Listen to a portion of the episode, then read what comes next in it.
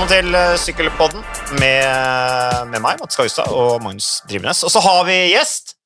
Andreas Stauen i midten, velkommen til uh, hva er det du kaller mancaven her på Hovseter. Det her er mancaven. Det her er testobula til Mats Kaggestad. Nei, det er jo en uh, ren og skjær ære å få komme hit. Jo det var hyggelig at du kunne komme, Andreas. Uh, Vi har jo hatt litt kontakt i det siste. Nå er jo du blitt pensjonist. Du er jo tidligere syklist på høyt nivå. Kan ikke du, Nå husker ikke jeg helt i huet meritten. Kan ikke du bare ta og ramse opp de, så vi bare kan sette deg liksom, litt sånn et settested, da? Folk skjønner at du har sykla fort og vært god til å sykle. Ja, nei, jeg har jo holdt på en god del år. Eh, Det ble jo ti år der eh, sykkel var i fokus eh, fra ung alder. Mm. Og jeg må jo si at det var jo ikke en av de mest meritterte utøverne, men jeg jobba jo hardt da for å nå de resultatene jeg fikk inn. Eh, Blant annet en andreplass i U23-NM. Etappe i Tour til fjells.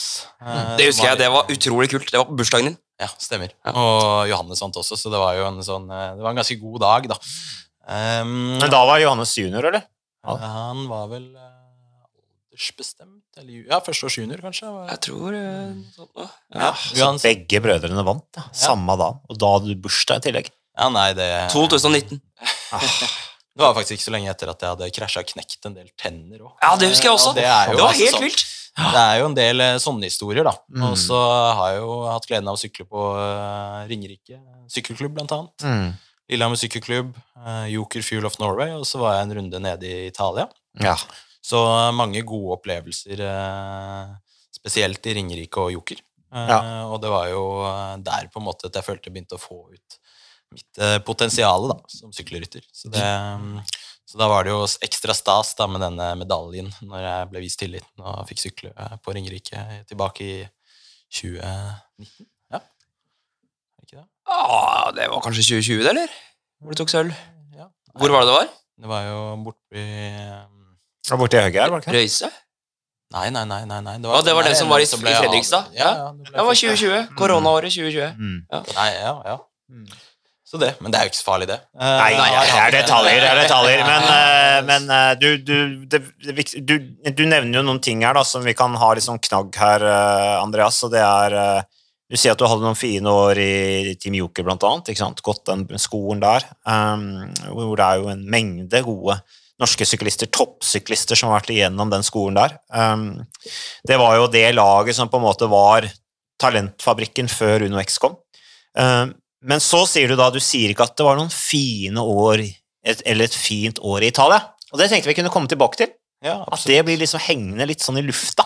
Det er ikke det en god plan, eh, Magnus? Jo, og da gleder jeg meg veldig til å høre om eh, Jeg gleder, jeg vet ikke, Det er kanskje ikke en solskinnshistorie, men jeg, jeg ser frem til å, å, å lære mer om, eh, om Italia-eventyret til Andreas. Så hvis vi da deler denne podkasten i kapitler Det er jo uten reklame og sånne ting, men vi deler allikevel inn i kapitler. Uh, og så sier vi da at dette her har vært introduksjonen. Det er kapittel én. Uh, Prologen. prologen, uh, preluden, kall det hva du vil. Og så snakker vi da om liksom den, den mørke tiden i Italia. Med Andreas Staune Mitte. Det kommer to be continued. Ja, ja, nei, det er en teaser. Det er Ja. rett og slett. Eh, Så, men det var veldig fint der nede, sånn naturomgivelsene og sånn. Så det er jo, ikke, det er jo, det er jo sol i Italia. Ja, og du kom jo rett hjem og begynte på, eh, på altså eh, Statsvitenskap. statsvitenskap, så der, du må jo på en måte ha viet horisonten til at jeg, det var, var der du fant statsviteren nede, eller? Der i Italia? Um, jeg er jo glad i rettferdighet, Mm. og det er uh, noe jeg har dyp interesse for, og for så vidt også ledelse. Um, så det ble jo noen, eh, hva skal jeg si, det ble jo en, en periode som forma meg nede i Italia, og det var jo på en måte egentlig hele, hele aspektet av karrieren. da, var jo eh, Alle årene bringte med seg noe nytt. Så sånn sett takknemlig for eh, erfaringen og læringen. Og så er det jo ikke nødvendigvis alle erfaringer som er eh, gode erfaringer heller. Nei da, men eh, også dårlig erfaring kan være gode erfaringer, fordi at det er en erfaring. Ja, nå, Nå er vi inne på det her. Men det er ikke, det er ikke en filosofipodkast. Vi, kommer jo også, vi kan jo nevne at i kapittel Jeg er ikke helt sikker på hvilket kapittel det er, men i et av kapitlene i denne podkasten her, så skal vi blant annet snakke med din bror Johannes Staune Mitte. Eh, Snakke litt om bro, brødreforholdet. Vi skal gå inn i de private sfærer. Vi skal snakke om bror, bror, hvordan dere har trent sammen, eh, og alt dette her, og litt sånn hva du tenker om utviklingen til broren din. Artig, det også. Og så, eh, men først, Magnus, du har jo eh, kommentert nå en uke med Catalonia rundt, og vi må på en måte ta det som er uh, i tiden. Uh, vi er tross alt en uh, ultrakommersiell TV-kanal, TV 2, eh, og da må vi på en måte snakke om det alle snakker om nå. Og det er jo uten tvil Tobias Halland Johannessen, Torstein Træn, UnoX i Catalonia rundt. Og jeg kan jo bare si én ting. Jeg var ute og sykla en liten tur i dag, og da traff jeg helt tilfeldig da Andreas Leknesund, og han slang seg med, vet du. Ydmyk som han er. Ja, han klarte å holde følge.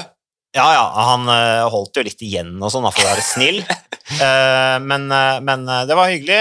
og så bare snakka, vi litt om Tobias Halland Johansen, og så sa jeg til Andreas at jeg lurer på om Tobias Halland Johansen han da angriper på den der siste etappen opp mot Sjuk der inne i Olympiaparken i Barcelona der, og så tror jeg på en måte ikke han tenker på hva han egentlig driver med. Eller sånn, jeg tror ikke han tenker over liksom hvilke hvilke nivå han er på, eh, hvilke selskap han er i, hvem han faktisk angriper. Jeg tror han bare ser en gjeng med syklister rundt seg, liksom, som virker som et annet sykkelløp. Og det trodde egentlig Andreas Leknesund òg. Jeg vet ikke hva dere tenker om det. Ja, jeg er for så vidt helt enig i det. Altså, det får man litt inntrykk av når man hører intervjuet som er gjort med han rett etter målgang der, hvor han er liksom eh, Det kommer banneord på banneord, og det er helt ufiltrert, og han er kjempeskuffa. Mm. Man ser det også når han eh, går i mål der eh, og slår sykkelen i bakken omtrent. Han er så skuffa og sint over at det ikke ble et bedre resultat, så det sier jo litt om mentaliteten da, til eh, Tobias Hallen Johannessen. Så det er, det er veldig gøy å se, og så ble, ble jeg veldig imponert. og Jeg husker jo før rittet så var det jo sånn eh, vi, vi er jo selvfølgelig kjempeklar over at uh, Tobias Hallen Johannessen er et kjempetalent. Uh, og så er det her Unex sitt første World Tour-etapperitt. Uh, for første gang skal han klatre mot verdens beste klatrere.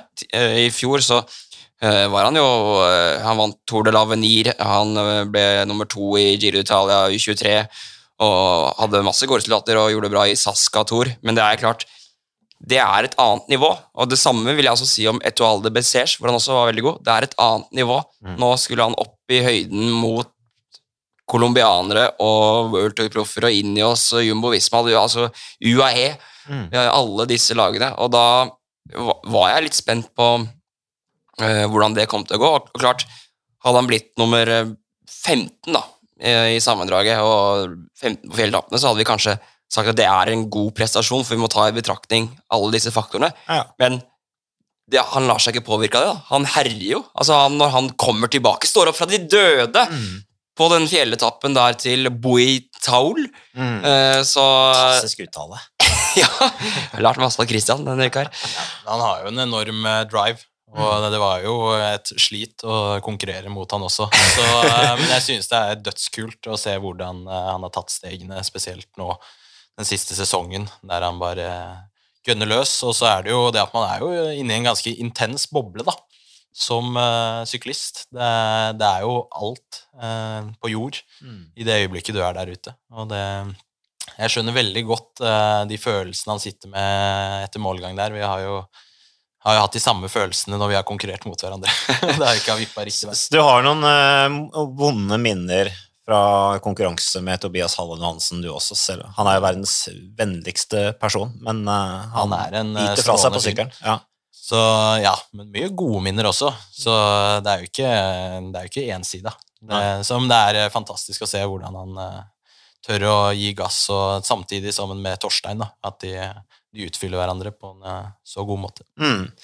Ja, Torstein er eh, blitt en god syklist. Altså. Jeg så Det var eh, et øyeblikk der de filma vei over kuren liksom, eh, på den siste etappen der, etter at de passerte det der bratteste partiet, og feltet ligger på strek, og så, så filma de fra sida, disse rytterne passerte, og så så jeg på Torstein Træn og tenkte "Ah, han sitter så fint på sykkelen, sitter så elegant på sykkelen, han uh, Træn.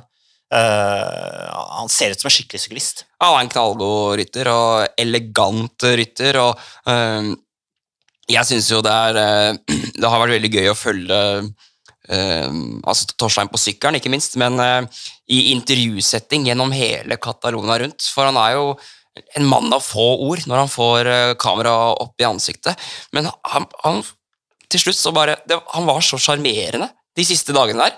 når han uh, ble, ble intervjuet. Jeg, jeg ble helt eh, Altså, han er omtrent sånn kjæledegge. Man får lyst til å gi han en klem ikke sant? når han er så søt og snill og uh, sier sånn 'ha en fin dag' og sånn til eh, våre reportere. Det er altså uh, Torstein Træen. Uh, Du ble sjarmert. Ja, først og fremst en god syklist. Men Nei, ikke først og fremst.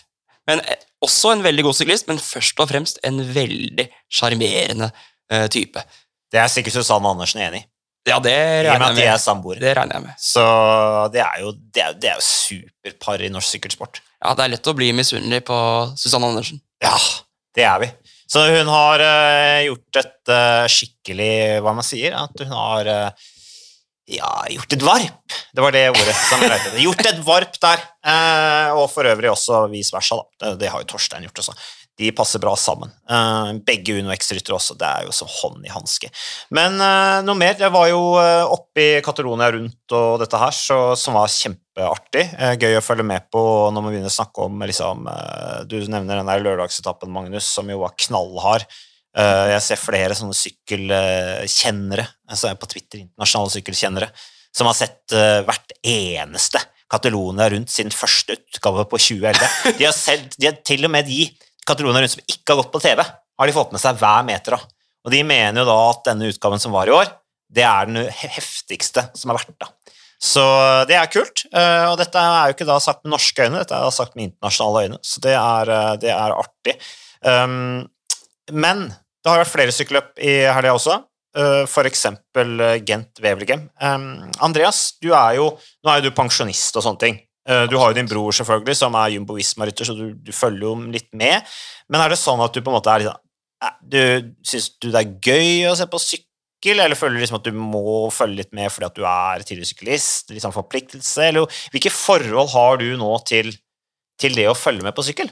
Um, godt spørsmål. Um, jeg syns jo det er ekstremt gøy å følge med lillebror, eh, først og fremst. Uh, det er jo Jeg er vel en av hans største fans, og um, det er jo gøy å få liksom høre en del av historiene bak løpene når man eh, prates, enten i etterkant på telefon eller underveis. Og så er det jo eh, Jeg liker å holde meg oppdatert. Jeg er jo glad i idrett generelt. Langrenn, sykkel. Nå har det blitt den der Formel 1-basillen, sånn som eh, veldig mange andre. Ja, du har skjenkt deg på den, ja? Absolutt. Vi holder oss unna det, Mats. Gjør vi ikke det? Eh, ja, jeg tror det. Jeg, har sett noe av det, jeg òg, faktisk. Okay, okay. Ja, men eh, vi skal ikke snakke om det nå. Og så er det jo eh, Nå er det ikke alltid TV-sendt, men jeg synes det er gøy å følge med på eh, Kongsvinger-gutta, som jeg var, eh, jeg var med på treningssamling eh, Ja. med de. Så eh, blant annet eh, Stian eh, Fredheim har jo kjørt eh, veldig sterkt i Olympias Tour, som jeg var nede med sammen med Ringerike også. Så det er liksom det å eh, Det blir ikke like mye som før, men jeg har heller ikke så mye fritid som tidligere. Så da, det er jo en eh, korrelasjon der. Fredheim, vinneren av Pariro B, juniorutgaven. Stemmer. Så uh, I fjor, altså. Han er jo megagod. Som du sier, han tar jo det der nivået på strak arm. Olympiator var ikke det første rittet hans i år, da? Jo, Jo, jeg tror det var første rittet hans. Rett opp i U23 og klinker til. Ble fire sammenlagt, tror jeg. Ja, ja, og det er absolutt harde etapper der. Det er jo Mm. paddeflatt, men det er jo sidevind eh, av en annen verden. Så Det er ikke U23-ritt heller. Det er, eh, det er vel eh, åpent for, eh, tror jeg. Ja, Var det ikke U23-ritt før, i hvert fall? Ja, det var være at er noe U23 annet før, men jeg ikke, jeg er ikke helt sikker. Jeg bare fikk med at Fredheim var utrolig bra der, så det er veldig gøy. Eh, Men Gent Wevelgem, gutta. så- Så du på det, eller? det hadde jeg ikke tid til. Nei, ikke sant? Du prioriterte, Det var ikke høyt opp på din prioritetsliste. Det var jo samtidig som Coppa i Bartali, for øvrig, som vi kan, skal komme inn til. Men vi må bare ta først Gent Wevelgem, Magnus. Um, Germay, Binyam Germay. Uh, fantastisk uh, gøy for han, først og fremst. Uh, han er den første debutanten som vinner Gent Wevelgem siden Edvald Boasen Hagen i 2009. Ja, faktisk akkurat det fikk med meg gjennom sykkeltwitter. Det var jo helt fantastisk å se. Mm. Definitivt råskap. Nesten like ung som Edvald også, da han vant. Ja, Det var 21. noen, det var noen dager forskjell. Ja, han var uh, yngre enn Eddie Max da han vant sin første Gent Wevelgem. Så det er nok av eksempler der på Men historisk, for det er den første afrikaner som vinner, Uh, eh, fra Eritrea òg.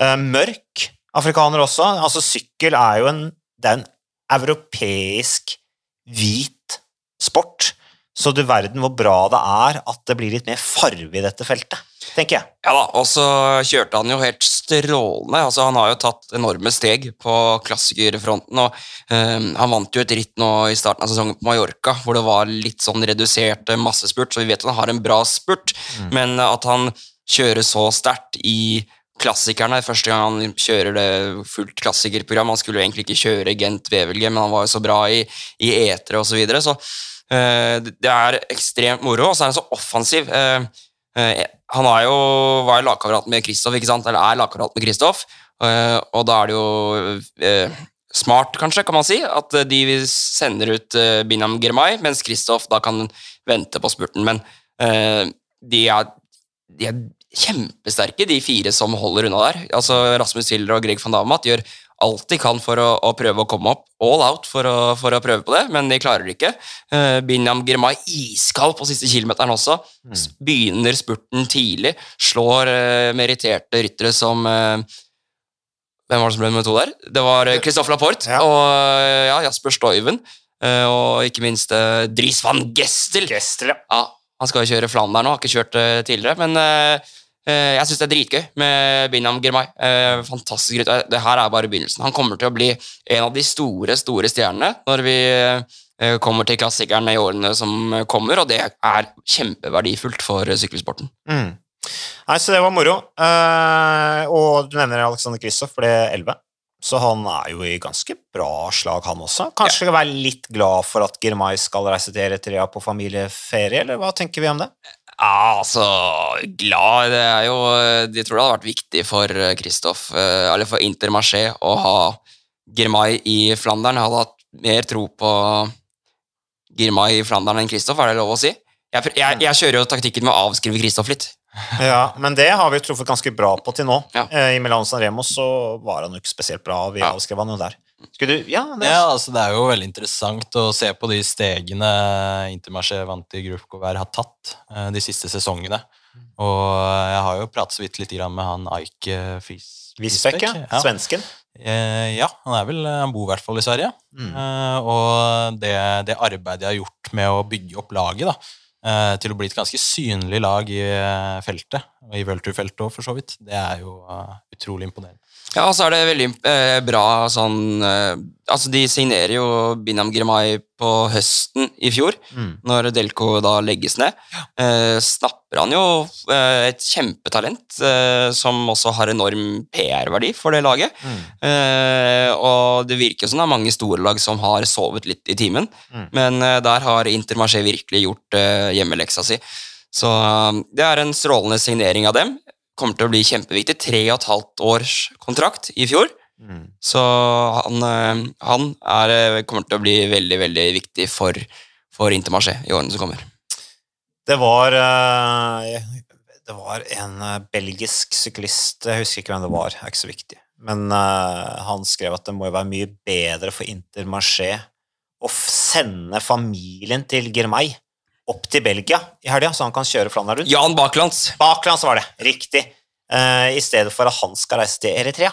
Fordi at uh, da kan jo de i tillegg liksom få sett på Flandern rundt og være sammen. Altså Det må jo være en billigere løsning uh, for laget enn at han skal gå glipp av en seier i Flandern rundt. Men det, det, var nå bare morsomt. Men i hvert fall gøy. Så, så de gratulerer han, og ikke minst laget hans, da Intermarché vant i Groupe Gobert Materieux med det. Eh, andre sykkelløp som har eh, vært, eh, Andreas Vi kommer jo snart til rosinen i pølsa, det er jo selvfølgelig Coppa i Bartoli. Men råd oss rundt! Råd oss! Det har dere et forhold til, begge to. Ja, det er jo et løp både jeg og Magnus er uh, veldig godt kjent med. Og, og ikke minst glad i. Ja. ja. Det er ikke bare norske pensjonister som trives på Rådås. Eller norske, rusebusser. russebusser. Ja, for ikke å snakke om det. Eh, men norske Grabbarna grus og ja, det... men Har du feira russetid der nede òg, eller? Nei. Eller ja, var den, den sykkelsamlinga der som en russefeiring å regne? nei, eh, du ler, Andreas. Ja, nei, jeg vil jo si at Rådås var et av de løpene som eh, gjorde meg enda mer fast bestemt på at det var syklist jeg hadde lyst til å bli, og gjøre det godt for Joker, da. Okay, det var ikke der du fant ut du skulle bli statsviter, altså? Nei, det, det skal jeg nok ikke bli heller. Så eh, Husker du, Andreas, på eh, kvelden før altså det, Vi var der sammen i, i 2020, bodde på samme hotell, hadde rom ved siden av hverandre, og det var, helt, eh, det var god stemning. og da eh, var det sånn at Joker de hadde ledertrøya før den siste etappen. Mm. Jeg hadde brutt på nest siste etappen, og var egentlig, da hadde jeg egentlig bestemt meg for at jeg var ferdig som sånn halvsatsende syklist. det er derfor vi har litt forskjellige Ja. opplevelser av Rådås her, tror jeg. Og da, og da husker jeg at jeg hadde bestemt meg for at nå skal jeg ut og leve livets eh, glade kveld på, på Rådås der. Jeg og ene mekanikeren og i Bygde IL. Eh, og jeg fikk uh, seierssjampanjen til Erlend Blikra, blant annet, for han skulle jo sykle ritt dag etterpå. Så den gikk jo rett i fleisten. Og da var det jo eh, sånn at eh, Joker de skulle jo forsvare den ledertrøya. Og, og vi må ikke glemme at jeg har eh, vunnet eh, Pro Cycling Manager eh, NM i det to år på rad. 2010-2011. Eh, Så jeg, har jo, jeg kan jo en del om sykkeltaktikk, da. Ja. Eh, Strategi. Ikke? Jeg har strategi, så husker du det lagmøtet vi hadde kvelden før der? Fantastisk. Det, når du sier det, så ja.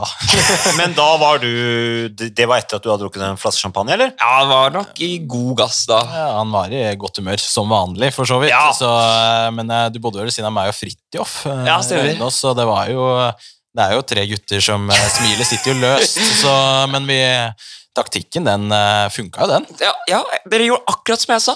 Eh, og det funka som bare det. Torstein Træn gikk et uh, duobrudd med Colin Stussi fra Team Våralberg. Jeg så på listen, han var der i år også. Gir seg aldri, han er uh, Colin Stussi. Men da lå de i solobrudd. Joker de samlet seg rundt Søren Wernskjold, kjørte strålende lagtaktikk og kjørte lagtempo inn mot uh, Rådås sentrum. og Vant vel siste opp nå, eller gjorde du ikke det? Eh, jo, gjorde det. Søren vant. Ja, Søren så vant. det var jo det er lengste lagtempodraget jeg har kjørt i hele mitt liv. Ja. det, så vi Det var jo verdt å nevne da, at vi holdt jo på å bli hva skal jeg si, Joker holdt jo på å slutte å eksistere i den ene utforkjøringa der, for der kom det jo en bil. I, eh, Og det er sånn Rådås er! det er, Det er så deilig! Det er sånn Rådås er. Så, Men det er jo utrolig imponerende å se. Nå har jo Coop eh, dratt ned to ganger etter at vi eh, var der, i 2021 og nå i år. Og eh, måten de har kjørt på, virker jo som de er eh, Det virker som gutta er i form, da. Og det er, Ja, det, det er vanvittig imponerende. Louis Bendiksen, hedersmannen fra Danmark, eh, vant eh, sammenlagt i år. To etapper pluss eh, sammenlagt. Det er utrolig kult. Og så vant jo André Drege. Eh, solo var det hans, nesten, nesten hans første ritt i, i Team Coop på Rodos Grand Prix, som da er endagsrittet som går rundt øya der. Oppvarminga. Oppvarminga. Og han er jo en fantastisk rytter. altså Måten han har eh, bare fortsatt å kjøre på. Eh, satsa og gitt gass. Studert. Eh, jeg ble utrolig glad når jeg så at eh, André klarte å ta, dra den seieren i land, og så jo også i ettertid at eh, det var vel eh, Tore André Vabø som også kjører på Coop-laget, som eh, skrev noe om den enorme bragden av måten han kjørte så offensivt da, og klarte akkurat å holde unna. Og det er jo det er sånne historier som gjør at man blir glad i Ja, sykling. det er, det, er, det er vanvittig kult. og uh, André Drege er jo kjempesterk. Jeg husker jo vi kommenterte Gylne gutter, jeg og Magnus Orre i fjor, rett før Pariro ble supersøndagen. eh, regnværsdagen. Eh, og da var jo André Drege sånn solobrudd. Bare dunka, dunka, dunka, dunka, og da ble han vel hentet til eh, Han har vært stagier i Team Coop eh, tidligere på høsten, og ble hentet eh, litt senere på høsten, mener jeg å huske. Og det er jo litt sånn når man bare ligger og grinder sånn alene foran i et så tøft ritt som Gylne gutter. Det er klart du er sterk, du er sterk i hodet og sterk fysisk, og det får han resultater av allerede nå. Jeg husker først... Han ble sju i Gylne gutter Ja. i fjor. Og det, var- det var tolv stykker som fullførte. ja, det, Det sier jo litt. ja. Sier jo litt. Skikkelig harding, altså. 22 år gammel. Ja, det stemmer det. Han er vel eh, 99-modell. 99-modell, ja. Ja. Så, og så har han jo opptatt i bra form, for de var jo i Rwanda og kjørte også. Eh, morsomt med Rwanda òg. Jeg snakker Ja, om Girmai, Girmay, men Rwanda rundt er jo i ferd med å bli et ganske kult sykkelløp. Det skal være VM i sykkel om noen år. Og der ble jo han det er folkemord. Ja, det, men der er det jo der er det mye historie, ikke sant? Om ikke sant? dette med forsoning og sånne ting, Ja. som er ganske Ja. flott på mange måter. Men uh, ble fire på en etappe der, André Drege. Så vi har tatt en veldig bra gjennomgang av André Drege her i dag. Altså. Ja, og så altså, Når vi er inne på, på, på Rådås her, så må vi også nevne at uh, Torbjørn André Rød fra Asker Blir nummer seks sammenlagt. Han sykler på jeg husker ikke hva det heter, Yeolo Test Team eller et eller annet sånt kanadisk eh, kontinentallag. Eh, Bor eh, i USA, har gått på college nedi der, på noen sykkellinje. Sykla for Asker sykkelklubb og vært en ganske god klubbrytter, for så vidt. Men nå er han på et vanvittig høyt nivå. Blir nummer seks sammenlagt. Det er beste norske rytter der nede. Ja. Eh, det er vanvittig imponerende. Eh, så han har virkelig tatt steget. Jeg gleder meg til å følge han videre. Han kommer hjem og skal sykle NM, i hvert fall. Men eh, bor nede i Colorado i USA. Så vi må gi en shout-out til Torbjørn André Rød, og også gi en shout-out til Asker. Det, Det er, eh, det er gøy. Asker. Eh, rød, 25 år gammel. Uh, hvor kjenner du han noe særlig, du, eller, Andreas? Nå er det jo sånn at jeg kjenner eh, Alexander Skjelbred uh, veldig godt, og Torbjørn Rød bor jo rett ved der. De er- de er naboer. Så en periode, da. Nå er han jo i Colorado. Ja, ja. Men Mm. han er jo en utrolig nydelig fyr. Altså, smilet sitter løst, og han er jo glad i gamp uh, på sykkelen. Eh, det er det jo ikke noe tvil om. ja, når, det er Ja, mot, så når, det er mot, når, ja, når det er motvind, så er det bare å legge seg på hjul med Torbjørn Rød. Mm. Harding, altså. Ja. ja, Det skal bli spennende å følge utviklingen hans da, uh, videre. Så, men det var fint at vi fikk tatt en skikkelig gjennomgang av Rådås rundt. Ah, Føler at vi snakka litt mer om det enn Gent Wevelgem. det, men det, det syns jeg er på sin plass. Folk, Ja. folk vet for mye om Gent Wevelgem. ikke sant? Alle har sett det. Ingen, ingen vet Det er ikke om noe nytt å plukke der. Eh, og så kan vi jo nevne også at Susanne Andersen ble nummer sju da, i kvinneutgaven. Eh, Uno-X-rytteren. Så det er bra. Eh, hun er god til spurte. Ja, og det er en kjempeprestasjon. Eh, var offensiv på slutten der. Eh, sitter alene og spurter inn til eh, syvendeplass. Mangler fortsatt litt på den siste der for å matche Balsamo og de andre gode. Men det som var interessant i Gent Wevelgem, hvis man ser både på herrerittet og damerittet, er at i damerittet så kjører jo Trek Segafredo De, de eh, er jo De ener seg om at det er spurt de kjører for. De kjører for spurt med Elisa Balsamo, soleklar kaptein der. Eh, I Gent Wevelgem for gutta så sender de Jasper Stoiven av gårde. Ikke, han jo, er jo en relativt rask rytter, men han har ikke vunnet så mye av de spurtene der etter 250 km. Han sitter her med raske ryttere som både Girmay og, og Laporte, og Dries van Gestel er ikke noe sånn treig mann, han heller. Og, og, en, og i ettertid, når det da ender opp med fjerdeplass til Jasper Stoiven, han har ikke noe å spurte med der, eh, og de har Mats Pedersen bak i feltet, Mm. så kan man jo stille seg selv spørsmålet om de burde gjort som damene, Mm. og kjørt for én rytter, og kjørt for spurt med Mats eh, Pedersen. Så all honnør til uh, Trek Segafredo, en taktisk, teknisk tek, taktisk seier. TikTok. TikTok. Er du på TikTok? Mats? Nei, jeg sa TikTok, ikke TikTok. Oh, ja, ok. Mm. Så jeg er ikke på TikTok. Kunne ikke falt meg inn. Men, eh, men Balsama er i kjempeform. Eh, hun har jo vant det første ritt. Hun kjørte dette her eh, Valencia rundt, eh, vant det første etappe og har vunnet de tre, tre siste rittene, da, inkludert Gent Wevelgem. Så 24-årige italienerinnen, verdensmesteren i trekk Segafredo, hun, eh, hun kommer til å ha en fantastisk flott sesong. Um, men da, hvis ikke det var noe dere vil legge til på det Det er bare å ta ordet her, Andreas. Ikke, du må, Ja, nei, ikke være men beskjeden. jo, altså Jeg har ikke noe mer å tilføye her. Vi kommer vel snart til et eh, løp jeg kanskje kjenner litt Ja. grann mer til. Da kan du ta den introduksjonen. Nei, nei, nei, nei, nei, nei. Nå, Skal jeg ta den? Ta den, og så okay. tar jeg heller suppleterer. Ok, da kan jeg styre det. Uh, Coppa i Bartoli. Uh, det er uh, dette italienske etapperittet som uh, Hvor vi hadde din bror med. Eh, det, er, eh, det er jo selvfølgelig ikke det største rittet som går nå, eh, men det er jo nivået under. vunnet av Eddie Dunbar, som for øvrig tok sin første profesjonelle seier. Ineos-rytteren fra Irland. Matthew van de Poel var med, blant annet. Men din bror kjørte veldig bra. Johannes klinka til. Ble beste Jumbo Visma-rytter. Nå ventet jo Tobias Foss ut. Han skulle jo være med der. Det var jo egentlig det siste oppkjøringsrittet Tobias Foss hadde før Italia rundt. Såpass viktig var det, så jeg vet ikke hva han gjør da med, med planene sine. Men eh, eh, Johannes blir nummer 19 sammenlagt, kjørte veldig bra. Eh, vi skal snart få et intervju med han også, men eh, han sa til meg at eh, den siste etappen der, særlig, den skulle han ønske gikk live på TV, for da var han så bra at eh, dette skulle han ønske kom mer fram. Ja, nei, Det er jo akkurat det jeg også har hørt. og Det er jo et fantastisk område de har eh, kjørt løp i. Altså, Det at det ikke er TV-produksjon på det løpet, er jo egentlig krise. Mm. så det er jo faktisk sånn at eh, det var der jeg bodde når jeg bodde nede i Italia. Eh, nede i, eh, jeg bodde i Lamparecchio. Eh, så de kjørte jo blant annet Sambaranto på siste etappen der, tror jeg. Så eh, ut fra det jeg hørte når jeg prata med Johannes eh, etter at han eh, kom i mål, så i god tid etterpå, da, han, er jo, han blir jo gjerne litt oppjaga og sliten, for så vidt også, Mm. så eh, var det jo eh, supergod erfaring, og eh, han koste seg på sykkelen. Eh, men jeg tror, jeg tror det var hardt, ja. Det er det, ikke noe, det er nok ikke noe tvil om. Men det virker jo som at eh, han tar nivået veldig bra, for planen er vel at han skal kjøre på utviklingslaget i år og neste år, før han blir proff i 2024. 25, vel? Er det ikke det? Ja, nei, stemmer. Det er vel to pluss tre? to sesonger. Ja, det er, nei, det er denne sesongen pluss én til, og så blir han uh, proff i World Tour Ritt, ja, Og, laget. ja, og det, men vi- og vi så det også i Algarve rundt, som jo var TV-produksjon. og Jeg skal innrømme, jeg har ikke sett så utrolig nøye på Copy Bartley. Jeg har hatt litt fokus på Catalonia rundt uh, av naturlige årsaker. Forståelig, det. Ja, men uh, det, det virker jo som at han tar nivået eh, veldig bra, og tøffe løypeprofiler, eh, har konkurranse. Likevel sitter han eh, veldig fint med. Skulle vi egentlig kjøre for eh, Tobias, da, som dessverre velta ut der. Eh, og eh, det lover jo så godt. Vi snakker jo mye om Tobias Johannessen, som er født i, han er født i 1999. Jeg begynner å bli gammel, vet du! Mm. Begynner å bli gammel!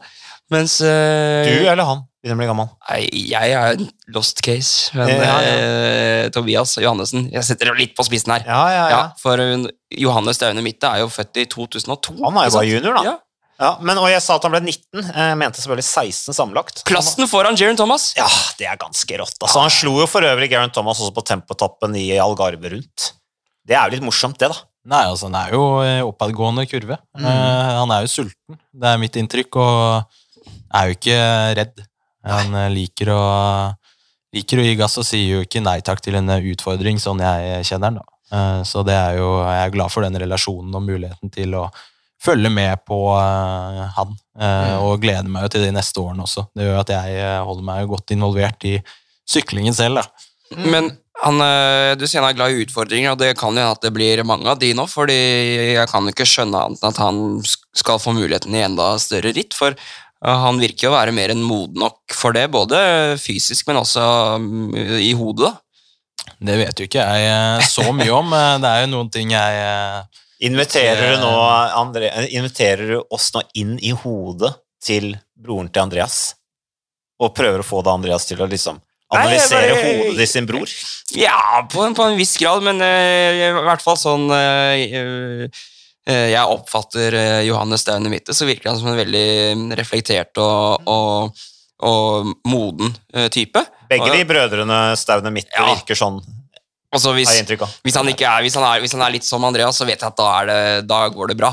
Men eh, er du ikke enig i det, Andreas, at han virker til å være klar for eh, også større oppgaver? Eh, Jeg tenker jo det at han har et uh, sunt forhold til det, og eh, det virker som det gir en uh, jevn matching. Eh, de tør å slippe den litt løs, og, og det er jo Jeg er spent på hvor, eh, hvor det fører de neste årene, selvsagt, eh, selv, og, men jeg er veldig trygg på at han er på det beste stedet han kan være akkurat nå. Uh, Jumbo Visma er uh, De har ekstremt god talentutvikling, og uh, trenerteamet der, sportsdirektørene, uh, måten de holder på, det er, det er noe jeg har veldig troa på. Og jeg har jo tatt og Jeg er jo veldig lidenskapelig opptatt i måten eh, kommunikasjon, da, og der er det jo eh, det at de tør å gi ham mulighet, det, er jo, det sender jo eh, noen signaler til gutten sjøl. Da Mm. blir det jo det det å ha troen på eget arbeid, og det, er, det tror jeg han har. Kan ikke du fortelle litt om hvor mange søsken er dere? Ja. Nei, vi er jo fire søsken, da. Mm. Så det er jo to tvillinger, eh, en gutt og en jente. Så Martinus og Alida. Eh, Så de Martinus er jo kjempeglad i eh, sykkel og ski, egentlig litt sånn som brødrene sine. Og så har vi jo en utrolig flott lillesøster som Det er jo greit at vi får et litt annet litt annet perspektiv på ting i familien også. Det er jo veldig, vi er blitt en veldig idrettsglad familie, og det, det har jo gått i mye sport rundt det matbordet. Så eh, Nei, jeg gleder meg til å følge med på de også, og så er det jo ikke gitt at uh, noen av de blir idrettsutøvere. Og det Men de er langrenn, ikke sant? Uh, Alida spiller fotball Ja. i hovedsak, så, så, men det er jo, vi er en stor familie, uh, og har fått muligheten til å holde på med det vi liker, og det vi drømmer om, og det er noe jeg unner alle barn i denne alderen. Det er, det er noe av det fineste vi har her i, her i Norge, denne, den bredden. Hvor gamle er tvillingene, Andreas? Nei, de er vel 08 da, så det blir 14 år. Mm, mm. Ja. Uh, og så, men du og din bror Johannes, uh, begge dere drev jo aktivt med langrenn og sykkel. Hvor mye glede hadde dere av hverandre sånn, uh, i forhold til trening og matching av hverandre? og Hvordan var det? Nei, er det liksom- er jo eh, et interessant eh, Altså, som alle brødre så er det jo ganske god fyring, eh, spesielt i disse årene når man er en ti-tolv år, ikke sant. Det, det har jo blitt en fair share med litt krangling, men det er jo bare sunt, tenker jeg. Så det er vel først de siste, siste årene at vi har virkelig blitt flinke til å følge med på hverandre også, og dra hverandre opp og slå en prat om idrett, og om vi har eh, vært hjemme sammen, så har det jo vært lett å stikke ut og sykle, men eh, det er jo sånn at han har jo gått på toppidrettsgymnas, og jeg har jo satsa etterpå, så vi har jo hatt litt forskjellige treningsgrupper, da. Mm. Så men det er jo det er gøy når vi kan stikke ut på julaften og gå sju mil på ski, og Snikskryt! Nei, men det er, det er Nei, altså, jeg, hvorfor jeg altså, søker hva som er skryt med det? Altså, gutta er ute ja, på ski. Ja, ja, jeg er helt, helt enig. Jeg, det er, jeg hyller det. Jeg hyller det. ja, altså, det er jo, Hyller eh, ut, u, uforbeholdent. Ja, så det er, eh, det er det som er på en måte det vi har bygd eh, brødreforholdet på nå. Da. Og Og Du er jo sprek ennå, for det er jo ikke så lenge siden du la opp, Andreas. Ja, nei, jeg har gjeninnfunnet eh, enorm skiglede, som eh, Magnus kan eh, Dere er jo ute og går på ski sjøl. Snakk om skryt. Vi splæsjer dette her over hele verden med de sosiale kanalene dine. Jeg veit det, jeg tuller bare. Ja, Selv på Tinder legger du ut bilder av deg sjøl på ski. Nei, Vi ble, ble vi ikke enige om det her sist gang, Mats? Jo, stemmer det at vi ikke skulle snakke om at du er på Tinder. Du, forresten, Andreas, vi har et intervju med din bror Johannes. For jeg tenkte vi må jo snakke med Johannes når vi har broren på besøk på Absolutt. Sykkelpodden. Ja. Eh, Så vi kan høre hva Johannes sa når jeg snakket med han i dag tidlig.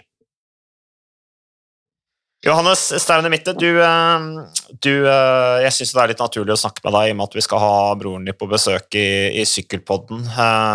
Så du kan svare litt for deg sjøl, holdt jeg på å si. Først syns jeg jo Du har tatt Nå har du kjørt litt på ja, Du har jo blitt vippa opp på World Tour-laget. i en- et par ritt allerede denne sesongen. Um, uh, og klarer deg veldig bra. Du har jo fullført alle rittene du har kjørt i år. og nå sist Coppi Bertali, som jo er et uh, tøft sykkelløp med Matthew van de Poel og greier til start, så ble det med 16 sammenlagt. Beste Jumbo Visma-rytter uh, for øvrig. Hvordan, uh, hvordan syns du det går? Eh, jo takk. Vært en, eh, ja, vært en bra, bra start på året. Uh, ble litt tidligere, en, tidligere start enn planlagt med Algarve. Og så har det egentlig gått ganske slag i slag med et løp i Nederland og et etappeløp i Kroatia, og nå Koppi og forrige uke, da. Så jeg syns det går veldig bra. Morsomt å få prøve seg litt blant de store gutta. Og så begge gangene jeg har vært med, så har jeg for så vidt Tobias òg vært med, så det er det er veldig det er veldig digg når det på en måte er noen kjentfolk og det er liksom det er en nordmann å på en måte støtte seg på. da. Så det har vært veldig, veldig trygt å komme inn i det laget også, og, og kjøre med de. Så det har vært, det har vært sykt bra.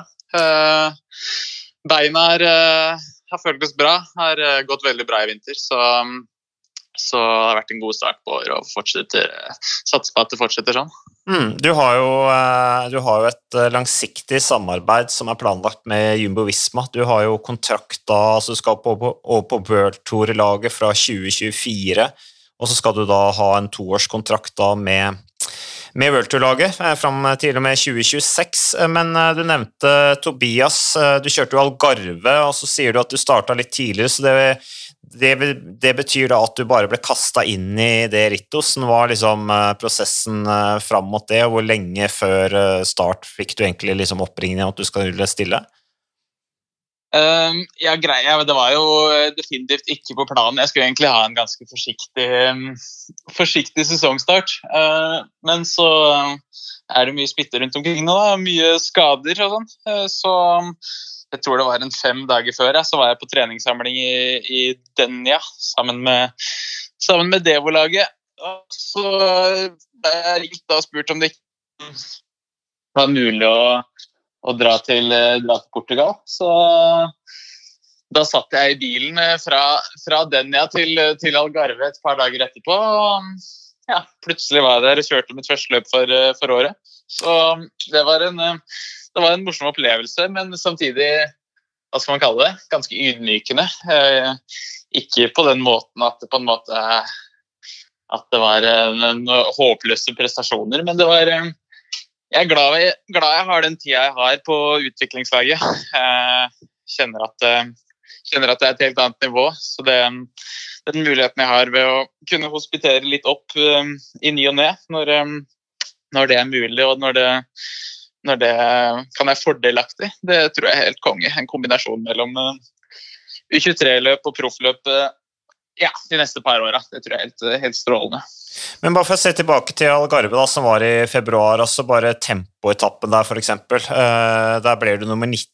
Uh, ja da, du var et lite stykke bak, bak Evnepol, men allikevel, du er foran ryttere som Garen Thomas osv. Så, videre, så det må jo, du, du må jo ha fått litt selvtillit av, av den deltakelsen. Det, det, er bare sånn, I mitt hode så tenker jeg kanskje grunnen til at de da sender deg til Koppi Bartali, har noe med at de syns at du har tatt det nivået bra. Hva Er det noen sammenheng der, eller? Um, I utgangspunktet så var Koppi på planen helt fra, fra starten av sesongen. Uh, og så ble Algarve bare en bonus. Mm. Uh, skal, skal, sies at Geraint Thomas han var ikke på sitt, på sitt sharpeste, sharpeste Algarve, så han var vel, han var vel litt um, hva skal man si, nede på rangstigen oss inn i oss i det rittet der. Jo, men, um, men tempo er men, tempo, og han skal jo kjøre fort på tempo. Han, er, han, er, han, er, han, kjører vanligvis fort på tempoet. Så nei, det var en bra opplevelse. Det var veldig veldig overraskende da jeg kom i mål der, og så fikk jeg høre at jeg kjørte en god tid, men det var jo jeg, jeg, jeg, trodde først at det var noe feil med timinga, for uh, ja, det, jeg syns det var usannsynlig bra. Men uh, det, er, uh, det, er, det, er, artig med positive, overraskelser, så klager du ikke på det, naturligvis. Da. Deilig da, å ha en usannsynlig god følelse fra start av sesongen. Um, hva er neste for deg nå etter Coppi Bartali? da? Um, ja, nå er det noen hviledager her eh, er hjemme i Norge, så er det bare å slå i hjel tid. Uh, egentlig. Og så er, er, det et par gode uker med trening. Så tror jeg ja, eh, midten av, midten av april så er det Liège, Baston Liège 2023. Så det er jo for så vidt et av de større, større måla for sesongen. Så har, har allerede titta litt på titta litt på løypene, så får planlegge hvordan skal løse det. Og forhåpentligvis kanskje kanskje prøve å ta med seg, ta med seg et godt resultat derfra. Hvordan er eh, da kapteins liksom, Hvordan er rangordninga på development-laget til Jumbo Visma i det rittet der? Er det sånn at uh, du er kaptein, eller hva kan du si om det? Um, på development-laget så kjører vi egentlig ikke med så veldig mye roller. Uh, det er det sånn at uh, ja, vi har en del sånn Vi kaller det race intentions. Så det handler egentlig egentlig det store om å på en måte skape situasjoner eh, som er fordelaktige for laget. og på en måte ta rittet i sine egne hender. Og så de som har beina og sitter der, sitter der på slutten, da, da kommuniserer vi oss imellom. Og så legger vi en slag, slagplan inn mot finalen, så vi kjører egentlig aldri med noe kapteinsrolle og hjelperrolle. Så, men det syns jeg egentlig er en veldig fin måte, fin måte, å gjøre det på. Alle har muligheten, og de som har beina, har beina. Så da gjør vi det beste ut av det, egentlig. Mm. Men da merker du vel litt forskjell på hvordan det kjøres når du kjører med f.eks. Tobias Foss i Algarve, og nå veltet du han ut av koppet i Bartoli, men uh, hvordan merker du forskjellen på, på de to lagene? Åh, det er um, Egentlig merker jeg det jeg, Man merker jo mest på, mest på rutinen. Ganske, det var ganske mange ut fra Devo-laget i fjor og inn på profflaget og på proffnivå. For så vidt både på jumbo og på, på, et par andre lag. Så vi er en litt yngre gjeng i dag, nei, i år. Eh, og, og, man merker det på rutinen når man er på Devo-løp kontra på, kontra på proffløp. Og så kjøres det jo Det er jo helt forskjellig ritt. og Vi kjørte i Kroatia, og det er jo Det er jo eh, det, Ja, det er jo Når du er på et lavere nivå, da, så er ting så mye mer ukontrollert. Mens f.eks. i Coppi, da, hvor oss hadde det klart sterkeste laget og de sterkeste rytterne, da er det jo et uh, superkontrollert løp. Så det er, um, det er veldig forskjellig hvordan det kjøres. Og, og hva skal jeg si? Tar med meg veldig mye fra å kjøre de ja, både Algarve og Koppi nå.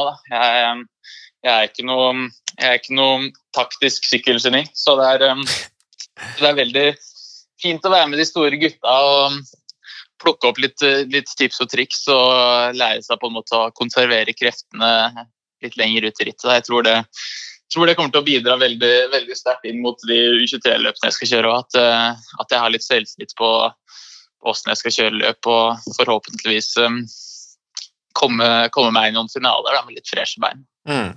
Du eh, sier at du ikke er noe taktisk eh, supergeni, men det er et godt utgangspunkt for å utvikle seg, tenker jeg. Hvis du, hadde, hvis du ikke hadde hatt den selvinnsikten eller den, selv, den, den, selvkritiske sansen som du, du sier her, så, så, så, ville det kanskje vært et dårligere utgangspunkt. Og taktikk kan jo læres og erfares osv., og, være nysgjerrig på det er jo bra. Hvor, hvor, stor, hvor mye snakker du med Tobias Foss om, eh, om, taktikk og det å kjøre i feltet og disponere krefter osv. i de rittene du har kjørt med han? Uh, I Algarve så hadde vi jo vi hadde Tobias Foss og så hadde vi for så vidt også Robert Gesink. Som, uh, man, man, skal ikke kimse av Tobias, men Robert Gesink har for så vidt noen flere år på baken på det nivået her. Definitivt, ja. så, så nei, da er det egentlig bare å på en måte ja, Når vi kommer inn i ulike situasjoner, så er det bare å spørre, spørre um, hva de tenker, hvordan de vil løse det. Og så, så er det på en måte um, Sykkel er ikke, um, det er ikke liksom Hva skal man si eh, Det er ikke rakettforskning heller. Så, så det er selvfølgelig, selvfølgelig noen diskusjoner, men uh, i all hovedsak så handler det om å, liksom, observere hvordan de håndterer det. Og det, ja, det handler jo alltid om å komme seg inn i, seg inn i finalen av løp med mest mulig energi. Så, mm. så ja, man lærer jo man lærer jo bare av å, bare å observere og, og følge med. Så, så, er det klart at jeg, ja, jeg føler meg veldig bra om dagen. og har ja, som sagt, gått veldig bra i vinter. Føler meg sterkere enn i fjor. Og det viktigste er tross alt å ha, ha blodpumpa og maskineri på plass. Og så er det jo og så kan det taktiske komme etterpå. og Det føler jeg at uh, det kommer litt etter litt. og ja, Jeg er egentlig veldig positiv til hvordan starten av sesongen har vært. sånn sett. Men uh, Johannes, eh, du, du kommer fra langrenn og var en uh, veldig god langrennsløper. du var i toppen i, i, i Norge i langrenn i, i årsklassene dine. Og så, velger du sykkel. Var, det, er, det, var det et vanskelig valg? Ikke egentlig. Eh, fram til eh, Fram til jeg ble kontakta av Jumbo, så var det egentlig ganske åpent eh, hva, jeg hadde, hva, jeg hadde, lyst til å drive med. Så da var jeg litt sånn, ja Det, det som går best, det er det det blir, på en måte. Mm. Eh, og så ble jeg kontakta av Jumbo. og Det er sånne muligheter eh, som ikke dukker opp eh, som ung langrennsløper ofte. Da. Så, sånn sett så ble det et ganske enkelt valg, syns jeg. Og så bruker jeg det fortsatt i trening. Og jeg vurderer å ja, det, det, er det, det er første sted jeg har sagt det, men jeg vurderer å stille på NMB2 på Lygna, Lygna i april, på 10 km skøyting der. Og du gjør det, ja? Det er breaking news. Da skal man se opp for deg. Vi får, vi får se. Det er, få kjenne litt på åssen jeg henter meg inn etter, eh, etter koppen og åssen motivasjonen, eh, motivasjonen, er. Men nå er det for så vidt uh, muligheter for å sykle ute på Lillehammer òg, så mm, ja, vi får ta det litt, litt som det kommer, kjenner jeg. Men, men er Jumbo-ledelsen er de positive til det? Syns de det er bare gøy? Får du frihet til å kunne gjøre sånt? Ja, det er kjempepositiv til. Så, mm, Så um, det er veldig veldig ålreit òg. Jeg kom med, kom med forslag, og det syns jo syns treneren min var en kjempeidé. Så bare det å på en måte litt utfordre seg selv på litt andre arenaer, det, det, og på en måte, hva skal man si um, Pushe komfortsonene litt, det, det, er de veldig fan av. Så, så vi får se, da. Det er jo høy eh, nordiske grener, eh, liksom, eh, fokus i laget der, da.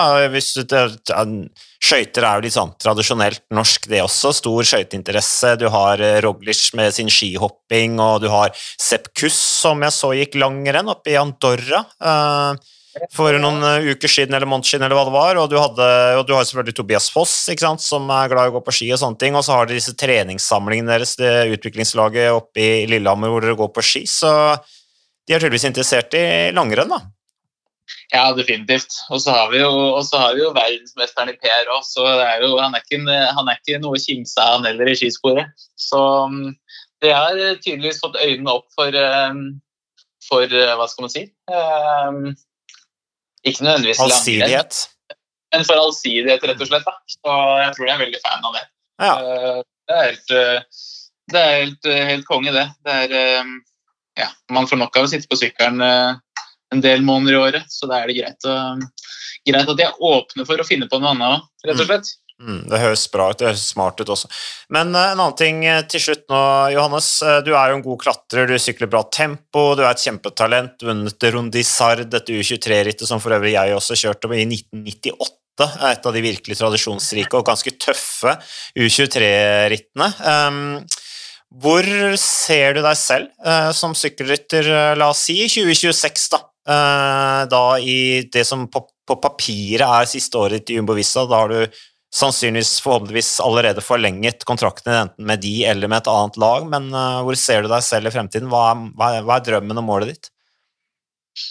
Ja, er det sånn at Siden det her er den her tabloide sykkelpodden, er det sånn at ja, hvis jeg sier at vi er veldig tabloide. Vi er det. At jeg å gjøre det bra i en Grand Tour og sånn, så, så, blir det overskrifter om at jeg skal vinne Tour de France i 2026 og alt det der.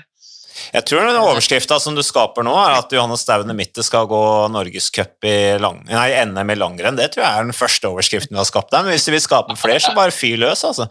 Ja. Nei, ja, det er som du sier, ambisjoner i, ambisjoner i takkeløp framover. Mm. Så jeg tror eh, Ja. Eh, jeg fikk en bra bekreftelse nå i Copy at, at jeg kan følge en del av de bedre bedre klatrerne som eh, forbereder seg til giroen. Og jeg tror at jeg fortsatt har veldig mye å gå på, gå på der. Så jeg tror det er det som blir ambisjonen fremover. Hvor, eh, hvor langt det når, det, det, vet man jo ikke. Men uh, det er også tidlig å si sånn med tanke på kroppslig utvikling og alt det der. Men uh, ja, det er det, det, er det som det er det som frister mest. Det er da det kiler mest i beina.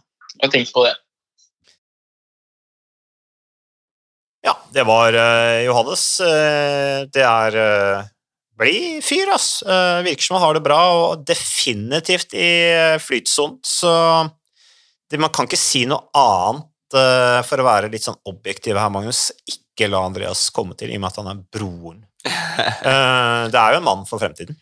Ja, absolutt. Et kjempetalent. Stort fysisk talent. Og som Andreas var inne på i stad, så er han jo i veldig trygge hender i i Jumbo-Visma og har alle muligheter og virker som han har en stor trygghet. Eh, og at de har troa på han, så det, det syns jeg er kult. Og det er kult at de lar han være med i, i junior-NM på ski, og det er jo litt sånn For, eh, for en, en, som meg, som er veldig glad i langrenn også, så er jo det, gleder jeg meg til å følge med på Johannes Staune mitt der, og vi heier på han.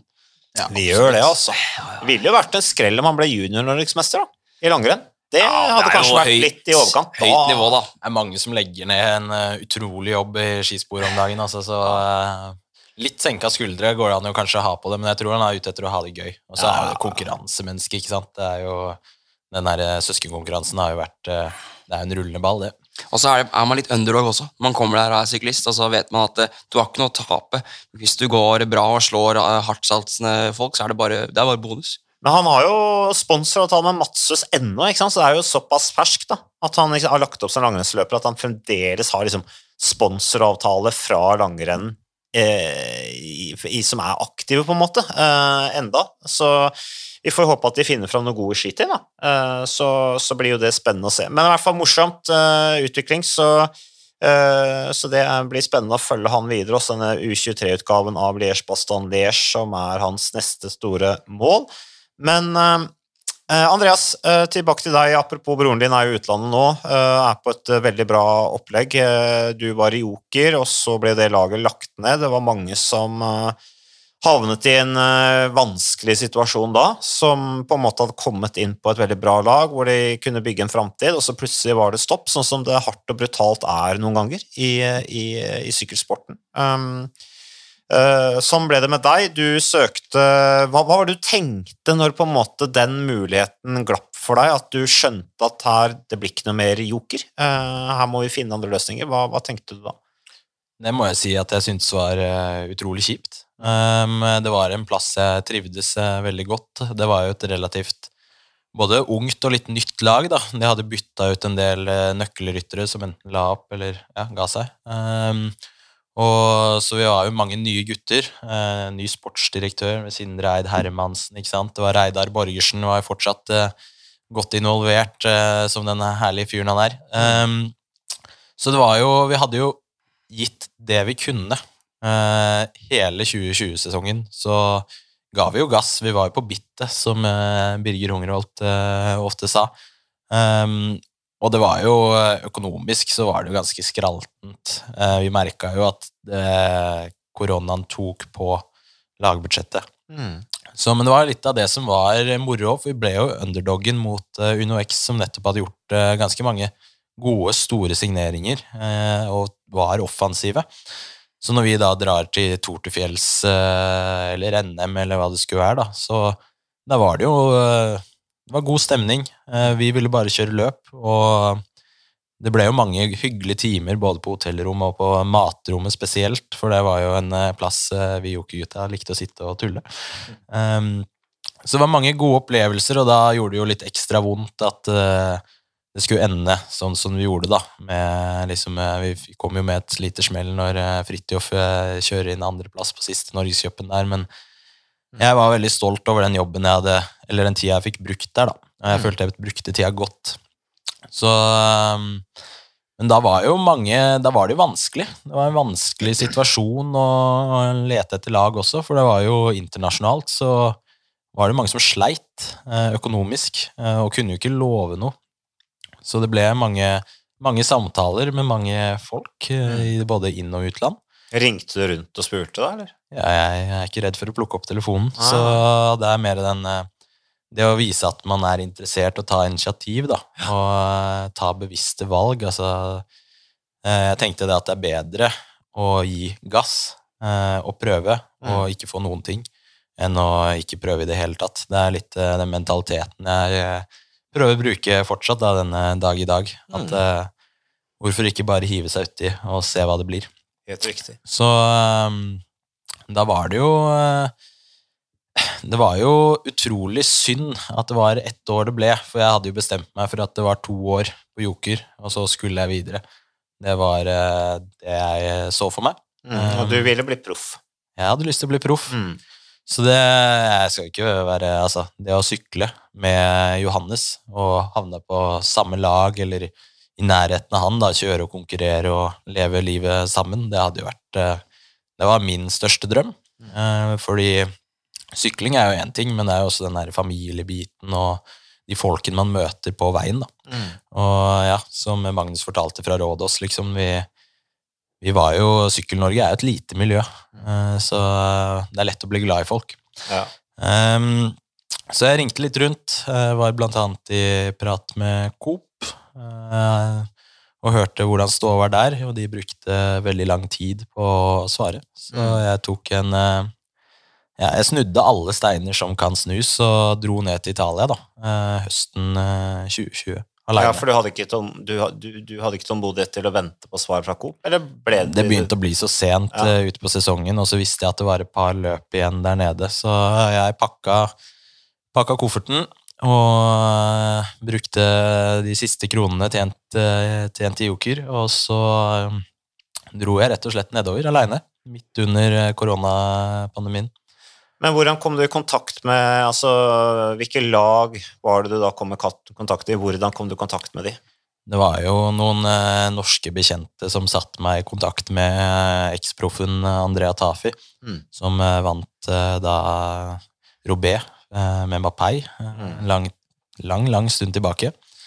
Ja, Eh, han har vunnet Flandern. Jeg har jo resultatlista foran meg her, altså jeg har ikke dette her i huet. Men uh, han har jo vunnet Flandern rundt i 2002. Han uh, vant Paris-Roubaix i 1999. Han har vunnet Lombardie rundt og Paris Tours. Så. Så det Det var en rytter som gjorde det stort. Ga seg i 2005 eh, etter en sesong i Sonnier Duval. Da hadde han vært proff siden 1989. mm, Så det var en eh, merittert eh, mann. Det var han som skulle gjøre comeback der for noen år siden. stemmer ja. Som eh, altså godt, passert godt over middagshøyden. Ja, Mm. det er veldig, veldig entusiastisk og trua på seg selv. Det var det ikke noe, noe tvil om. Men det er litt sånn midtlivskrise, føler jeg. Når du som 50-åring plutselig skal ta, ta opp en plass på et profflag fordi du skal på død og liv gjøre comeback i Paris-Roubaix. Ja, nei, mannen kjente jo, og kjenner jo mye, Mm. eh, mektige folk. Det er det jo ikke noe tvil om, og det var jo også en av grunnene til at jeg eh, ble værende og valgte å dra ned til Italia da, og kjøre sesongen eh, 2021 der, da, og starten. Så det var jo noen lovnader om eh, stasjærkontrakter hvis jeg valgte å bli der på et litt mindre elitelag da, i starten og kjøre godt, som eh, ville utmanna seg noe mer og noe større. Og det var jo ikke blant eh, dårlige lag heller, for å si det mildt. Det, så hadde, vært, eh, hadde det gått, så hadde det jo vært eh, fantastisk. Det hadde jo vært en røverhistorie av eh, dimensjoner. Eh, og så ble det jo slik at det gikk jo ikke helt veien, for det var jo det var litt mer kronglete enn det jeg forutså. Jeg hadde gjort ganske god research før jeg dro. Mm. Så, um, så det er en uh, lang historie, uh, for å si det mildt. Så hva var det som var kronglete? da? Nei, det var jo en god uh, Italienere er jo flinke til å love en del ting, da. Eh, og kontrakter, det er jo eh, Det er forslag, eller utkast, eh, nærmest. Um, så det var jo, når jeg dro ned i januar, så var det jo egentlig ingenting som var på plass. Det var jo ikke sykkel i orden, klær, lønn. Eh, for jeg skulle jo jeg skulle jo få litt betalt for å kjøre der nede og et laghus som var eh, mildt sagt eh, kjølig. Um, um, så det var Jeg prøvde å se på det med positive, glade norske øyne. eh, gripe utfordringen og gi gass. Være på bittet. Altså, jeg elsker jo det å være på bittet. Midt på bittet. Det er jo et, eh, et utsagn, så nå får Johannes heller ta og bruke det. Du ser jo de tenna og den tunga, det henger jo som bare det når han gir gass foran der. Men du valgte å være positiv. Ikke sant? Se mulighetene. Se Du mulighetene. klagde, ikke, du klagde ikke når du kom der. Nei, nei, nei, nei, må jo være Selv om du helt sikkert oppdaga. Hvor lang tid tok det før du skjønte at her er det et eller annet, her, er ikke- her er ikke ting i orden? Var det med en gang? Eller? Ja, det tok to dager. To dager. Mm. Ja. Mm. Så eh, det var eh, Det var veldig rart når det kommer fra et norsk toppidrettsmiljø, og ting står jo bra til her på berget. Det Mm. kan jeg jo si. Altså, vi er jo utrolig flinke med rekruttering og ta vare på eh, ryttere, da. Altså, vi har jo enormt forbedringspotensial i samtlige idretter, men det å, det å legge, lage gode miljøer, det, det er vi gode på fra barns alder. Og det er jo der egentlig, det er jo det som kanskje smerta mest, da, å se hvordan, eh, hvordan ting sto ganske stille eh, der nede. Der kunne jo, hvis du hadde 1000 egg, så gjorde det ikke noe å knuse 999 for å få ett egg som var eh, den fantastiske vinneren. Da. Mm. Og det er vel ikke helt det inntrykket jeg ser i norsk sykkel, da. Eller i norsk barne- og ungdomsidrett. Altså, det er jo tilfeller, men vi prøver å ta vare på massen. Mm. Så øh, det ble, det ble krøll. Eh, Jeg øh, flytta inn øh, hos Tafi på bed and breakfastet hans. Eh, Og var sånn at jeg kan ikke sykle på det laget jeg sykla på. Jeg ble skjelt ut. eh, Var jo for tjukk. eh, Altså sånne ting som er egentlig ganske problematisk i Altså I idrett generelt, da, dette vektfokuset. Det er jo selvsagt det er nødvendig, men det er eh, Ja, men det er jo litt sånn klassisk eh, den der eh, italienske kostskolen, da, eh, som, man, som jeg kjenner igjen fra tida mi også. At det er liksom steinalderholdninger. Det overrasker ikke meg at kanskje utviklingen ikke har kommet så langt på det nivået i italiensk sykkelsport. Italiensk sykkelsport har jo også på en måte ikke hatt den utviklingen som andre, andre miljøer internasjonal sykkelsport har hatt de siste 20 årene. Ja.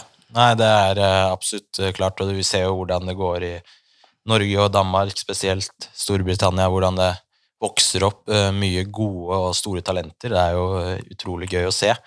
Um, Men hvordan er det at man takler å få, få sånne beskjeder, eller bli skjelt ut, da, på, på det viset? Altså, du har jo alltid vært god til å klatre sånn på norsk nivå. Jeg husker du var eh, Du vant en beintøff etappe i Tour til fjells, og du det ble jo tredjeplass i, Ja, i- Lillehammer Grand Prix der. Ja, ikke sant? Du har masse bra resultater i, i, i bakker her hjemme, og en av de beste klatrerne på, på kontinivå, da, og så kommer man dit, og så blir man på en måte skjelt ut og får eh, kjeft og blir kalt for tjukk. Hvordan, er det man, hvordan reagerer man da, og hva tar man det på en måte Uh, Er det sånn at man tar det seriøst, eller er det sånn at man gir litt sånn blaffen at du, vet at du, ja, at du tror du vet bedre selv, eller skjønner du hva jeg mener med, med spørsmålet? Det er jo et eh, veldig vanskelig miljø å navigere, selvsagt pga. at det er eh, fremmedspråk involvert, og kommunikasjon er jo ikke Så de bare kløp deg i side? Ja, nei, det har skjedd, ja. Men det gikk på italiensk. Det gikk eh, for det meste på italiensk. Mm. Så, men det var alle de tingene de hadde lovt rundt det at jeg kunne beholde trener, kjøre opplegg, være, være styre min egen ernæring. Da. Jeg hadde jo vært i kontakt med Olympiatoppen og fått utarbeida kostholdsplan og tatt blodprøver, og jeg hadde gjort det som kunne gjøres, da. Mm. Bortsett fra å selvsagt eh, kjenne de italienerne fra før av. um, så det, det, var, det var jo vondt. Jeg hadde heldigvis noen gode støttespillere rundt meg, spesielt i faren min. Og treneren min eh, da, som var Tom Pedersen. Mm. Eh, Det var jo han som på en måte gjenoppliva eller sørga for at det ble den karrieren jeg har hatt. da. Eh, Fordi eh, der ble jo trenerrelasjonen også et eh, vennskap som var eh, ganske ganske eh, tydelig, da. Eh, og det var lett å være åpen og ærlig om hvordan man følte seg, og, og det er noe jeg satte veldig stor pris på. Da. Så nei, det ble noen harde stunder. Eh, det var jo kontraktsbrudd, det var autoritært lederskap, utskjelling. Jeg var jo jeg ble jo skikkelig sjuk eh, når jeg sykla for et annet lag der nede, for jeg bytta jo lag. Eh, fikk jo til det på et eller annet merkelig vis. Eh, og jeg var jo syk med koronasymptomer, som bare ble verre og verre utover i det etappløpet, og da kjørte vi i det området Johannes var nå. Mm. Så siste etappen der så kjørte jeg jo i svime. Jeg klarte jo ikke Nå ble jeg jo en mye bedre teknisk utforkjører etter hvert, men, men uh, jeg klarte jo ikke å treffe noen svinger, så jeg holdt jo på å krasje meg sjøl og alle andre eh, ut. Og det Jeg har litt selvrespekt, vil jeg si. Jeg prøver jo å være en, en høflig og, og høre på hva andre sier, men eh, når man begynner å gamble med helsa, og eh, da, da går det for langt.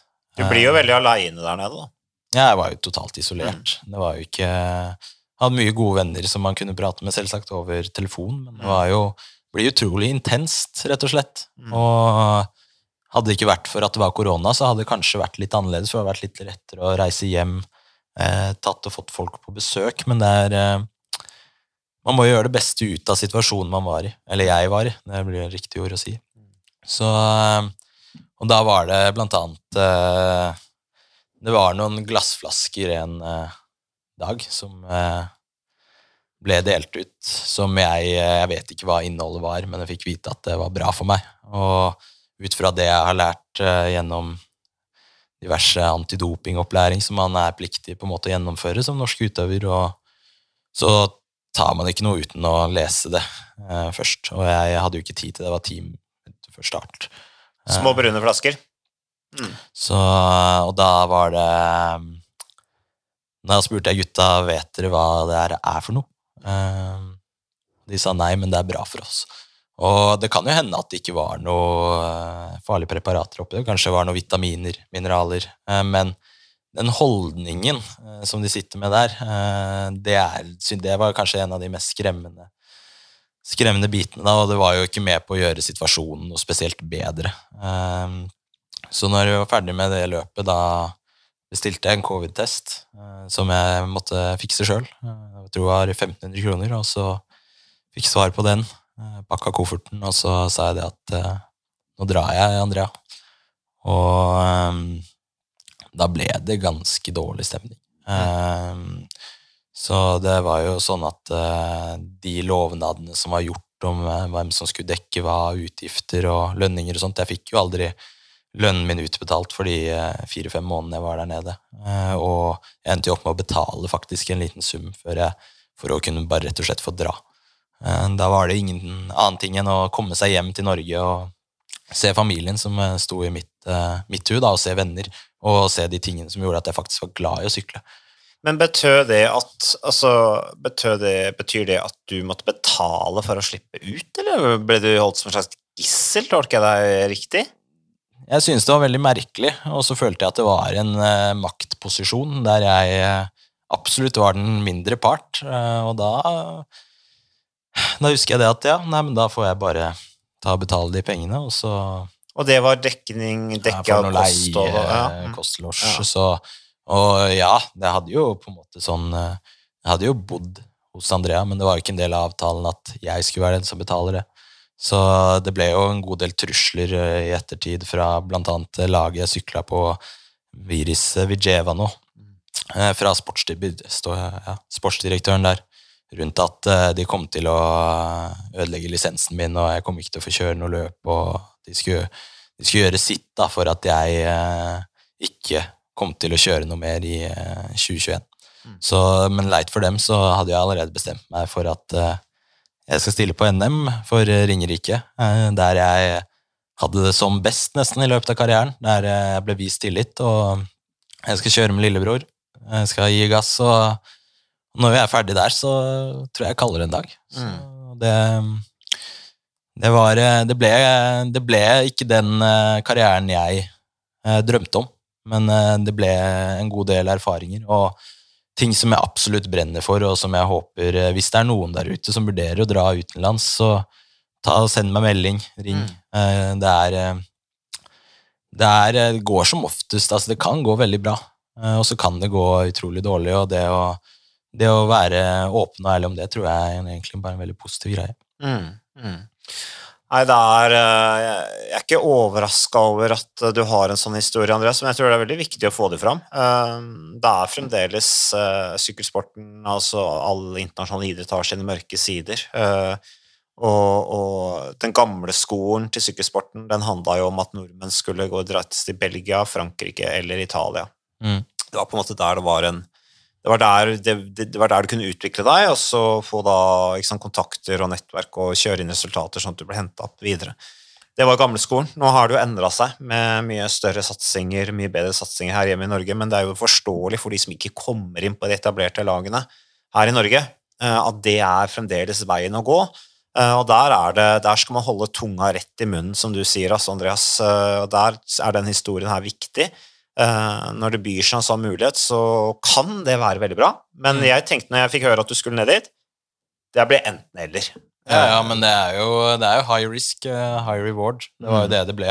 Eh, Jeg hadde jo tilbud i Norge til slutt, men det tok såpass lang tid at eh, jeg synes egentlig det ble nesten frekt å komme så sent eh, på bordet når jeg var i en pressa situasjon. Da. Mm. Eh, Jeg var jo klar for å kjøre inn store resultater, og jeg klarte jo å produsere ganske bra tall også nede i Italia, som gjorde at folk fulgte jo med, men det var jo på en måte sånn når du sitter i en situasjon som blir såpass låst, da, så blir det vanskelig uansett. Um, det er kanskje det jeg prøver å ta med meg inn i både skolehverdag, eh, arbeidsliv, møte med venner og nye bekjente. Mm. At uh, det å være åpen og ærlig om hvordan ting var, uh, men også ja, det å snakke sammen, da. Eh, vi må Norsk sykkelsport eh, har jo forbedringspotensial, det òg. Mm. Og det å ja, holde på rekrutteringa, det å ta vare på hverandre, det å um, anerkjenne at folk er forskjellige, Mm. og tørre å bli eh, kjent uten å liksom eh, anta at han er sånn og sånn ut fra noe de har hørt gjennom noen andre, eller en trener eller en annen utøver. Det, det håper jeg at vi kan bli enda flinkere på. Eh, og det er noe som eh, jeg virkelig brenner for, og som jeg håper eh, andre utøvere også har en bevisst tanke til. Da. Vi har jo alltid i Norge vært opptatt av det der å bygge hele mennesket også, oppi idrettssatsingen og de tingene der. Det er jo, og det er jo som du sier, ikke sant, sammenlignet med Italia, dette med eggene, som var en god sammenligning, det er bruk og kast. Og særlig med utenlandske, det er så lange tradisjoner i italiensk sykkelsport for å hente inn utenlandske ryttere. Jeg lurer på om ikke Rafa Maika var på det laget du har vært. Eh, Det stemmer. Ja, ehm, så, så ikke sant, noen blir jo kjempegode, og så blir det en sånn ideal, Mm. og så Men de blir og så- kanskje gode på, på tross av, og ikke på grunn av. Ja, altså, de lykkes, da. Men ikke Ja. sant? Og så- bruker de det som suksesshistorier, og så bare viser de til det. Ja, han var her, han hadde kjempesuksess. Og så hvis ikke du gjør det samme, så er du null. Ikke sant? Det er gjerne det som er tankegangen, da. Ja. Eh, eh, Så, så, og da er, det, da er det vinn eller forsvinn, altså. Eh, De er ikke noe opptatt av deg som person, de er opptatt av at du skal levere, for det er bra for de. Mm. Og selvfølgelig, du får karrieren din, og du kommer deg videre og sånne ting, så det er jo, det er jo vinn-vinn sånn sett, men, men hvis, de blir så utrolig skuffa hvis ikke du leverer, vet du. ja, ja, nei, det er jo ikke noe. Etter deres forventninger, da, ikke sant? Så, så det, og det er ikke snakk om å tål, være tålmodig der og se at ja, liksom her kommer det en, en ung gutt eh, fra Norge som ikke kan språk og, og, og trenger litt tid på seg, kulturforskjeller og alt dette her, og, og jeg vet ikke hvor opptatt av de var av helhet i forhold til prestasjonsutvikling med detaljer på utstyr og, og, og kosthold og sånne ting, men eh, jeg har min tvil på det. Altså, der, er det der er det store forskjeller i, i liksom eh, grunnfjellet nede i fransk og italiensk og belgisk sykkelsport. Eh, Det eh, det, det er mange som har mye å lære. Absolutt. Og det er også på en måte det da å komme hjem til Norge og ta Det ble jo et halvt år eh, for min del der jeg egentlig ikke tenkte på sykkel i det hele tatt. Eh, Jeg hadde jo altså, samtaler med lillebror og, og faren min eh, for så vidt rundt hans utvikling, men jeg hadde ikke noe behov for å involvere meg, da. Og da er det jo det Kanskje nå de siste, de siste månedene at jeg kjente på den idrettsgleden igjen. Og det da når Jon Anders Grøndal lurte på om jeg hadde lyst til å være med NTG Kongsvinger eh, ned i Spania og være trener for de, da. Da var jo det, så på det som en fin mulighet til å ja, ta tåa i vannet igjen og eh, kjenne litt etter hva, hva er det som eh, Ja, få et bedre bilde igjen. Og, og da tenker jeg altså, du, da er jo du en kjemperessurs for de unge, unge utøverne. At du kan fortelle din historie, du kan bruke dine erfaringer og, og fortelle litt om farene som er der nede. Og så, samtidig så eh, får jo også du kjent litt på den, eh, den gleden. For at det, det jeg tenker eh, NTG gjør som Eller det er mye NTG gjør riktig, som da er motsatt av det man gjør i Italia, eksempel. Mm. Så at du også får litt der, eh, ja, får litt den bevegelsesgleden tilbake, for det er jo Mm. i bunn og grunn det det handler om. Altså, man skal prestere, og man skal skape et prestasjonsmiljø, men det nytter jo ikke det hvis det ikke er noe gøy. Da er det jo på en måte, da er poenget borte. Mm. Ja, og du mister jo all energi når det ikke er gøy. Så det, Absolutt. Så nei, det er jo evig takknemlig for. Og nå i dag så har jeg jo kjørt litt grann eh, spinninger for deg, eh, Mats, og det har jo vært eh, Det er jo de her Det blir jo noen utrolig gode øyeblikk totalt sett ut av det. Og jeg ser jo tilbake på karrieren som en ganske sånn Det ble en det ble en fin greie å gjøre i de tidlige 20 årene av livet mitt, og jeg kommer nok til å bruke det aktivt i ja, arbeidslivet og livet generelt. eh, du må alltid du må ha det på CV-en din. ja, nei, Det, jo, jo, det mener jeg seriøst. Og så har du drevet med sykling på høyt nivå, vært i utlandet altså Du må jo alltid putte det på CV-en. Det er jo det som kanskje skiller deg fra andre kandidater. Det lille der, som gjør den eventyrlysten, den, den viljen til å satse, ta, ta, ta sjanser, eh, det er kanskje det som er forskjellen, da. Så det, det vil du alltid ha med deg. Så det Det kommer du til å få jobb, nei, spørsmål om på jobbintervju, og det, det fikk til og med jeg i, i læreverket. Det var derfor du ble ansatt som lærer. Magnus. Men, eh, men eh, tusen takk for at du kunne være med på, som gjest på Sykkelpodden, Andres. Er det noe du vil avslutte med når du først er her? Nei, det var, eh, var utrolig hyggelig å kunne være med. Det er jo en utrolig fin duo her å slenge seg med som en trio i dag. Og det, det er, det er deilig å lette litt på, på hjertet, og så er det jo mye mer å si, selvsagt, men det får jeg heller ta en annen gang. Ja, ja. Eh, Du kan komme tilbake. Du kan komme tilbake hit til mancaven på Hovseter og spille inn Testobula. Ja, det med, med Vi har firkløver og sjokoladekjeks og så, det, så her kan vi kose oss. Men uh, takk for at du lyttet på Sykkelpodden. Takk til deg også, Magnus Drivenes. Um, jeg tror faktisk vi kommer tilbake til enda en sykkelpodd. Jeg kan selvfølgelig ikke garantere noen ting, men Faktisk så planlegger vi, i hvert fall vi drømmer om, å realisere to sykkelpodder denne uka her også, for å få en litt sånn fin, myk overgang inn i helgen med Flandern Rundt. Takk for at du lyttet.